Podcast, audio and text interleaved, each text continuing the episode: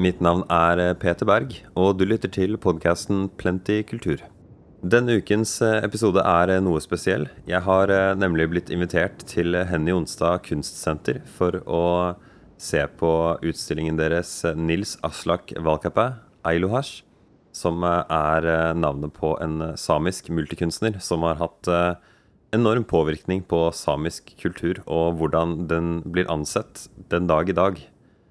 Valkeapää var i live fra 1943 til 2001 og rakk på den tiden å gi ut veldig mye musikk. En hel del diktsamlinger, illustrasjoner og eh, mye mer. En av eh, medkuratorene for denne utstillingen, Geir Tore Holm, som selv er eh, samtidskunstner med samisk bakgrunn, har tatt seg tiden til å snakke med meg i dag.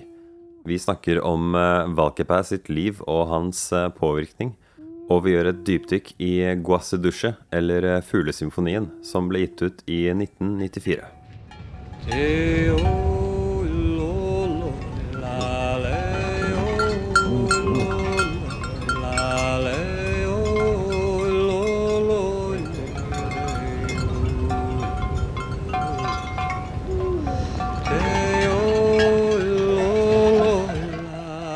Hjertelig takk for uh, invitasjonen til å komme og se på uh, utstillingen til uh, mannen hvis navn jeg gjerne vil ha deg til å uttale en gang for alle for meg.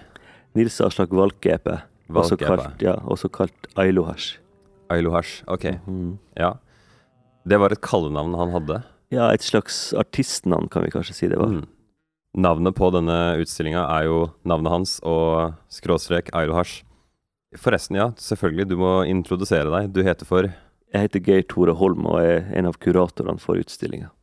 Og grunnen til at du er kurator, jeg regner med det ikke fisker inn folk fra gata for å kurere her? Nei, ikke, ikke direkte, da, men fra Ikke hvor jeg kommer fra, men jeg kommer fra landet. Men eh, nei, jeg er samisk eh, kunstner, da, samisk billedkunstner, og kommer fra Nord-Norge. Jeg er bosatt på Østlandet, men jeg, jeg kommer jo fra Mandalen i Kåfjord.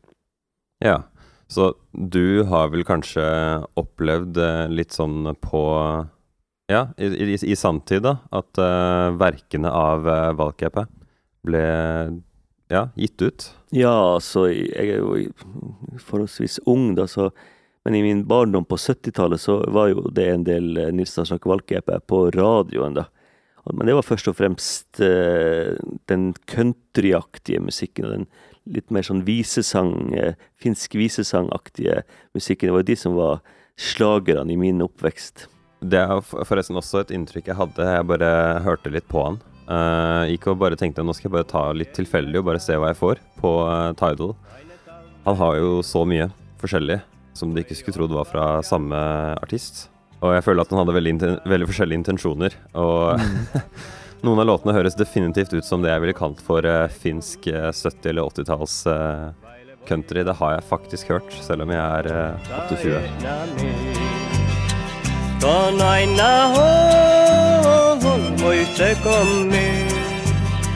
Vaille poika kohta eli denne utstillingen åpnet i slutten av oktober eh, og ble for noen uker siden dessverre midlertidig stengt. Men så skjønner jeg at dere har fått hatt eh, litt sånne presentasjoner, sånn som den eh, lukkede jeg får nå.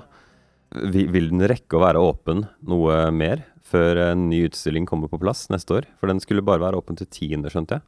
10. januar. Vi får håpe at det blir en forlengelse, ja. Det kan virke sånn nå. Ok, ja. Så dette her kan jo veldig snart bli utdatert informasjon. Eh, folk får sjekke på hok.no. Ja. Så vidt jeg forstår, er uh, dette den mest komplette samlingen som er uh, utstilt av han. Mm. Eller det står retrospektive samlingen. Hva, hva betyr det? Altså, retrospektiv betyr jo at det er en, en utstilling som er tilbakeskuende. Si at man samler opp verk fra, ja, fra store deler av hele kunstnerskapet og, og virketida. Da. Og i dette tilfellet er det jo fra 60-tallet, faktisk fra 1965 fram til 2001. Det, og han, han, døde jo i 2001, da, så det, det, siste som er med her, er faktisk en bok som kom ut i 2001. Ja, for jeg, jeg forsto at han øh, døde litt uventet? Han øh, er jo født i 1943, da, og døde i 2001. Han døde relativt uventa, ja. Eh, I 2001 utenfor Helsinki på besøk hos noen venner etter, etter en, en reise fra Japan. Han kom akkurat tilbake fra Japan. Men han hadde også en ulykke, da, en bilulykke i 1996 da, som eh, nok svekka han betraktelig. Jeg forsto at han, han, var fortsatt Altså han er fortsatt ansett for å være et, eh, et samisk kulturikon. Og eh, ut fra hvor mye han gjorde, hvor til randen han fylte tiden sin, da, med reise, møter og kulturanstelninger osv., så, videre, så virka det som han var veldig klar over det og tok det på en måte litt sånn på seg, da, det ansvaret. Mm. Å være et kulturikon. Så jeg kan se for mm. meg at han må ha vært kanskje litt sliten mm. før tida si. Ja, eh, etter ulykken så han var jo nesten død, da, men han eh, leda han i, i, i, den situasjonen hvor han var mellom liv og død, så fikk han på en måte beskjed om å ikke reise bort for, uh, først. Han, han, måtte tilbake og gjøre mer. Det, var, det sier han, forteller han sjøl, at han, han opplevde det som et eh, kall da, å komme tilbake til livet igjen og virke enda noen år før han gikk bort. Så kort fortalt, uh, Valkeapä, som jeg ikke er sikker på om jeg uttaler riktig, men uh, Det er helt fint. Ja. Han var billedkunstner. Han var musiker, og han lagde både finsk country, på en måte, eller det som var datidens populærmusikk til en viss grad. Og uh, han lagde litt mer sånn kanskje litt mer sånn som vi, vi tenker på lydinstallasjoner. Mm. Kort oppsummert, hvem, hvem, var han egentlig, og hva, hva, er grunnen til at han er viktig nok til at mm. Henny Jonstad har en uh, utstilling? Eh, altså, Nils Aslak Valkeap har jo ikke en formell kunstutdannelse, han har en lærerskoleutdannelse fra Nord-Finland.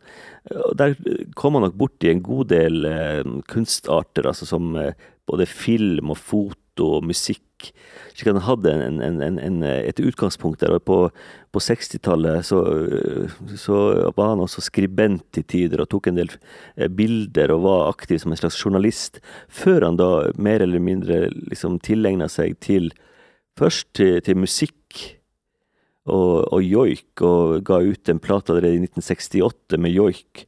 Og på denne plata i 1968 er det faktisk også opptak av eh, hunder fra bål. Så han var veldig opptatt av å få inn det vi kan kalle for eh, feltopptak, eller field recordings, mm. i, i, kombinert med andre, andre, opptak, altså lyd- og musikkopptak. Slik at han, han var allerede opptatt da, så tidlig, av en slags sånn her eh, Jeg ville kalt det for eh, en sånn eh, virkeliggjøring av, av, av musikken, av kunsten, da. I stedet for en sånn forunderliggjøring, så jobber han med en slags forvirkeliggjøring, kan man kanskje si. Og nemlig det, det å dra inn altså miljøopptak. Mm. Og, og, på en måte få det nærmere. Få, få også innspillingen nærmere livet, da. Jeg leste på Store norske leksikon at uh, den utgivelsen fra 68 den uh, vakte oppsikt og uh, ergrelse. Og jeg tenker jo at hvis, altså hvis, jeg hører på den nå, så har ikke jeg den riktige konteksten for å forstå hvorfor noe er mm. ergerlig. Det er jo det mm. samme med sånne klassiske bøker som man hører er Denne her var bannlyst i så og så mange land, og så leser man og tenker dette er en mm. vanlig bok. Mm. Eh, så hva, var grunnen til at den på den tiden, i det kulturlandskapet, var kontroversiell? Ja, Det var kanskje fra to hold. da. Altså, ene holdet var det at det var samisk musikk som ble utgitt. Det var kanskje litt uhørt og litt ja, uaktuelt, for kanskje mange så på samisk musikk som en slags ikke-musikk. Eh, folk sammenligner jo gjerne joik med kattejammer og, og hundeglam før. Det har vi jo hørt snakk om. Men fra, andre, fra, det andre holdet så var det kanskje fra samisk hold også litt uhørt og litt uvant å høre samisk musikk innspilt og utgitt på plate. Så det at det, det, det kanskje oppfattes som uvanlig å rett og slett eh, ja, både arrangere og fremføre musikk, eh, samisk musikk, da joik, offentlig den gangen. En, en, ting jeg har lagt merke til med joik altså Nå kommer lydteknikeren i meg litt sånn fram, men alle lydene uh, de stort sett bruker For er, ofte er det til dels eller helt improvisert, hvis man uh, hører det. Det er klart det er fullstendig innøvde ting, men uh, ofte har jeg skjønt at det er en blanding. Du har på en måte et løst manus du går etter, på en måte, som eh, performer. Og så har man litt sånn fritt spillerom. Men alle lydene er veldig sånne Det er mye bare vokallyder. Det er jo ikke sånn TKS og Det er på en måte de, de absolutt beste lydene å bare synge, sånn at de hø høres myke ut. Det er på en måte ingen harde sånne i-lyder. Det er mer i eller e, for det er lett å synge høyt. Så jeg syns det er litt sånn baklengs da, å tenke på det som kattejammer. For kattelyder er jo ofte Kattejammer mm. er jo litt stygt. Harde, skjærende lyder. Mens joik, for meg, i mine ører, er veldig mykt og behagelig. Uh, bare lyden av det er veldig vakker.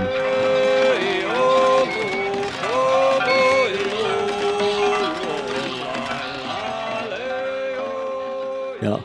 Men i noen sør så hørtes det sikkert atonalt ut, og det høres atonalt ut, eller ja, uvanlig, rett og slett, i forhold til eh, vestlig musikk mm. som, som, man hører, da, og som er mer eh, ja, jeg holdt på å si statisk. Ja. Det, det, noen eh, som fremfører joik, gjør det veldig etter um, uh, Altså in inkludert valgcapet. Han var stort sett, som jeg kan høre det, på de vestlige uh, toneskalaene. Uh, han la seg liksom ikke sånn innimellom toner. Men han var ikke redd for om en tone sklei litt ut, Nei. eller sånne ting. Nei. Og det kan jeg se for meg at mm. folk reagerte på, fordi ja, ja. selv tilbake da så skulle du helst synge liksom ja, ja, ja. Eh, teknisk jo da. på. Men, men også fra, fra, folk som var vant til å høre joik, så hørtes kanskje Nils Aslak Valkeapää sin joik litt sånn forfina ut, for at han brukte jo også sånn, måte, en mer sånn syngemåte da, å joike da, i, på, til tider. da, Slik at det kanskje var uvant å høre hans eh, måte å joike på. Da. Han brukte jo også og samarbeida jo med tradisjonelle joikere fra tidligste tider av, altså, og hadde med seg yngre joikere eh, på scenen. da. Så Det var noe viktig for han også å ha med de som sto trygt i tradisjonell joik, som, samtidig som han sjøl strakk grensen og begynte jo også da å blande inn eh, instrument etter. og Det var jo helt nytt, da, å bruke musikere sammen med joiken. da, Og det begynte jo kanskje litt med, med, med enkle instrumenter som gitar og sånn, men så ble det jo etter hvert da både synt og blåsere og diverse, da, perkusjon i massevis. Mm. Jeg snakket jo med eh, Harald Lassen, en jazzmusiker, forrige uke. Og eh, han, han, og jeg var jo enige om at vi liker field recordings. Og, eh, så det har jo definitivt vært noe som har gjentatt seg. Men har det også gjentatt seg i Har, har samer, samiske musikere, plukket opp noen av de tingene han mm. mm. på en måte Hva er det det heter? Broke the glass ceiling. Jeg kan ikke det norske uttrykket, men ja, han brøt barrieren, da. Ja visst. Det er klart at han, han har satt, satt, et veldig avtrykk på det som kom, har kommet etter han innen samisk musikk. Det ene er jo det å, å samarbeide med, la oss si, jazzmusikere, særlig da og, men også bruke kombinere joik med, med, musikk fra andre verdensdeler. Og, men også field recordings. Altså vi hører jo stadig og kan finne opptak eh, av andre artister som har gjort opptak av eh, joik ved bål, f.eks., og, og brukt en uh, situasjon hvor kanskje joik er mer alminnelig, da, i, en, i, i et telt, i en lavvo. Men også uh, rett og slett uh, field recordings, rene field recordings hvor man bruker miljølyd rett og slett av, uh, av ja, det, la oss si lyd fra vidda, fra vind og regn, og fra kysten, fra havet og fugler. Det, det, har, det har, på en måte blitt en slags en del av en sånn samisk musikkstandard, kan man si. Men så, som musiker, var han, han var kun vokalist selv? Ja, han spilte litt gitar i tidlige tider. altså Da var han faktisk en slags sånn ja, nærmest trubadur eh, i en periode, da, hvor han eh, sang og spilte gitar. Mm. Men etter hvert så var det nok ikke eh, andre instrumenter i noe særlig grad. Litt grann tromme var det jo, men, men det, han var først og fremst stemmemannen, og, og også produsenten og arrangøren, og han som eh, ting til å skje. Og særlig når det kom til utgivelser, ikke sant, med eget uh, plateselskap, uh, flere stykker faktisk. Og, uh, men også det å få gjort det grafiske og det visuelle rundt utgivelsene.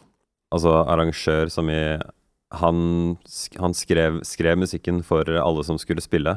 Ja, han, han, altså, den, altså han, brukte, han gjorde jo veldig mye samarbeid, så det var han som satte mer liksom, rammen og ideene og, og, og, gjorde det. Så samarbeidet han jo også med f.eks. Seppo, eh, eh, Seppo Baron, som var jo eh, komponistutdanna og hadde en klassisk, eh, klassisk fundament for det han gjorde. da. Jeg syns også det er litt utrolig å tenke på at han utdanna seg til å bli lærer, visstnok hovedsakelig ikke for å bli lærer, men for å lære om kultur og, og andre ting. Og så gikk han rett ut i en sånn kunstner- og talsmann-type mm, mm, karriere. Mm.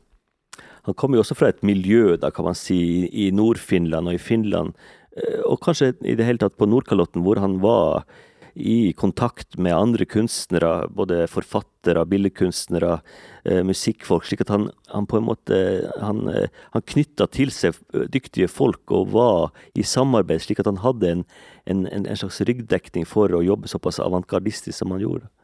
Eh, for øyeblikket så sitter vi på et veldig stille møterom, men vi skal ta oss en liten tur ut for å um, høre litt på Fuglesymfonien, som er uh, altså utstilt som en uh, lydinstallasjon her.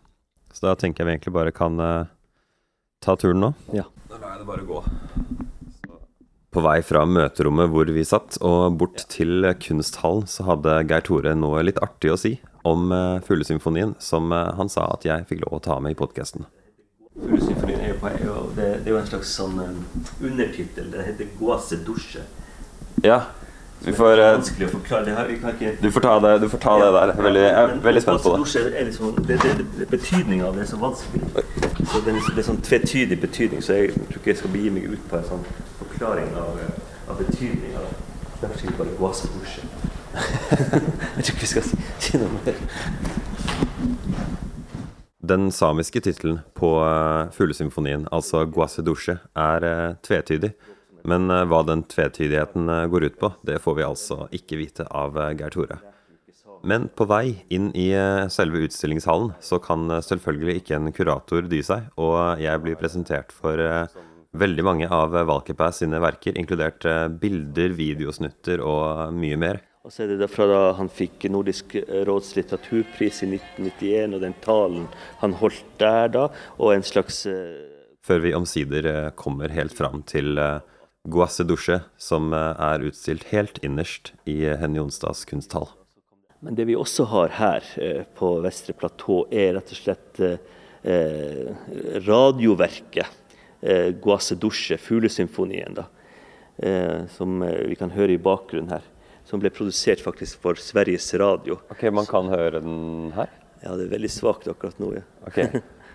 Lyden i hallen var dessverre litt for lav til at det var mulig å fange den med mikrofon. Jeg har eh, derfor lagt den inn her, så du får eh, høre et klipp.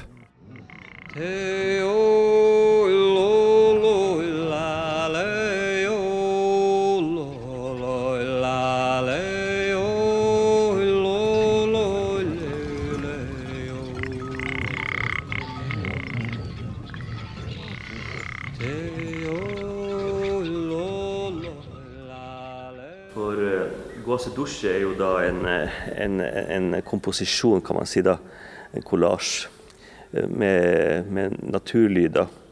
Veldig mye fugler, men også en del rein, lyder av rein fra indre strøk, altså fra vidda og ut til kysten. da.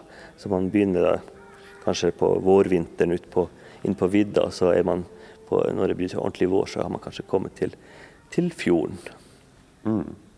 Det er et veldig godt rom å være i det her, syns jeg. da. Så her kan man sitte litt, og sånn, og det er litt fint. da. Etter å ha vært en stund i eh, utstillingshallen og eh, hørt, så bestemmer vi oss for å vende tilbake til eh, rommet hvor vi opprinnelig satt. Hvis jeg bare finner Fuglesymfonien, og så ser jeg da at denne her varer i nesten 60 minutter Og hvis du bare hører litt, så bare hører du liksom Du hører mye naturlyder, du hører fugler åpenbart. Og så kan man gå igjennom og skjønne at uh, ok, her kommer det forskjellige seksjoner. Den kunne vært delt opp i så og så mange spor. Så jeg, jeg bare lurer på, hva, hva var konteksten? Hva, hva, vet vi om uh, mm. denne symfonien? Ja, altså det, Den beskriver da en bevegelse, da. Kan man si En flytting fra, fra innlandet til kysten. da. Sånn som også man flytter med rein da, fra innland til kysten, da, fra viddelandskapet, kanskje inn på finsk side, og så ut til kysten på norsk side, der ved fjordene. Og, kan man høre sjøfuglene og, og høre bølgene slå. Så det, det, er på en måte rammen da, eh, for, for fuglesymfonier. Men eh, en del av det Ailo har uttalt også, da, at han ville vise, var jo at eh, ting er i endring, og at eh, kanskje når, når, det har gått en tid, så kan man ikke høre det her lenger. For at uh, vilkårene for fuglelivet f.eks. er blitt så endra at fuglene har forsvunnet. Så han poengterte jo det da, den gangen at det her er kanskje ting vi ikke kan høre om noen tiår han var veldig bekymra for, uh, for, endringene i, i, miljøet. da. Hvilket år var det den kom ut igjen? Den kom i, i skal vi se, var det i 89, kanskje? Vet du, Nå stiller jeg deg kanskje litt sånn uh, på, på spotten her, men vet du om uh, noen av de bekymringene har uh, Ja, har det, har det, stemt, noe av det? Jeg vet i hvert fall at det har vært mye snakk om at det er Det virker i hvert fall som det er færre insekter. Mm. Mm. Ja, det er klart det, det er færre sjøfugler det er jo åpenbart Krykkja blant annet er jo trua rett og slett nå på rødlista. Vi har lundefuglen, som er også på grensa til å, å, å, å forsvinne, da. Fordi at uh, ja, rett og slett er, forholdene har endra seg slik at det ikke er nok mat til å ha uh, kull, ikke sant. Og det er rett og slett vanskelig for dem å, å, å overleve. Det er rett og slett Eh, forrykka, altså balansen i, i, havet er forrykka, slik at det er vanskelig for fuglene å finne mat. Er dette, er det, er dette menneskeskapte endringer? Eh, sikkert. Eh, det òg. Det er nok naturlige svingninger, eller såkalt naturlige svingninger, men det er også menneskeskapt. La oss si en ting som er ganske sånn åpenbart og veldig tydelig, det er jo det at eh, fiskeriene er så reduserte. da, så Lokale fiskerier eh, på kysten fins jo nesten ikke, ikke sant? for det er trålerne som, som, tar de store fangstene. Slik at det er ikke fisk på kysten, sånn at fiskerne da kan sløye og, og kaste fiskeslo, ikke sant? Ja, ja til uh, fugler. Og det har vært en viktig del av uh, ja, næringsgrunnlaget for fuglene. Det, og da trekker de f.eks. inn til byene, hvor det da er, er mat å få tak i. F.eks. Det at folk slenger fra seg kebab og sånt på gata. da har man eh, kebabmåse i Tromsø. da. Jeg får håpe det er litt omega-3 og sånt da, i, eh, i kebaben. Ja, Det er dårlig, hvis det ikke er fra rent kjøtt. Det er definitivt også mer eh, støy i havet, som også vil påvirke fisker. Fordi paringsrop osv. Eh, vet jeg. Du vet muligens også, at hvaler Hvalsang, og at den er så lys som den er, at vi har de der klinkende lydene. Det er jo et nytt fenomen som har oppstått de siste 50 cirka årene. Pga. båtmotorer og sondering og sånt, så har de måttet lagt opp toneleie. Så jeg ser for meg at det har sikkert også hatt en stor påvirkning på de artene som uh, Valkeapää var eh, bekymra for. Men helt til slutt, hvis du skulle anbefale noen å uh, sjekke ut noe fra valgcupet hjemmefra Nå er denne utstillingen enn så lenge stengt. Hva ville du sett på? Ja, Altså, jeg vil jo helst at folk skal komme og se utstillinga, og også få med seg eh, katalogen som vi har utgitt i, i samband med utstillinga. Den er jo mulig å få kjøpt eh, på nettet, da, og sånt så man kan få den hjem. Men ellers så er det jo mye å lytte til. da. Du kan jo også f.eks. lytte til, eh, la oss si, Baby Achachan, 'Sol min far'. Eh, som jo er basert på bokverket 'Solen min far, baby Achachan', med som er en, en bok med bilder, men det er også en diktsyklus. Og i lydutgivelsene så er det også med, ja, med, med, med syntmusikk til, tromming, opplesing. Det kunne jo vært noe. Mm. Mm. Og det er noe man kan ta og bare høre på? Ja, nå fins jo så mye der ute på Spotify og ja. så videre, så okay. er det bare å ja, kanskje mm. sette seg i godstolen, eller eventuelt ta på seg hodetelefoner og ta en tur ut. Vi gjør denne podkasten eh, hver uke, og hvis du lytter i en podkast-app, da vet du allerede hvordan du abonnerer, men eh, hvis du lytter eh, via nettsiden vår, så er det bare å åpne en app som f.eks. Apple Podcasts eller Spotify og søke på Plenty kultur. Det er altså PLNTY kultur. Vi setter også pris på dersom du har mulighet til å rate oss, hvis det er mulig i appen du bruker. Plentykultur er en podkast levert av kulturmagasinet Plenty, og er produsert, spilt inn og mikset av meg, Peter Berg.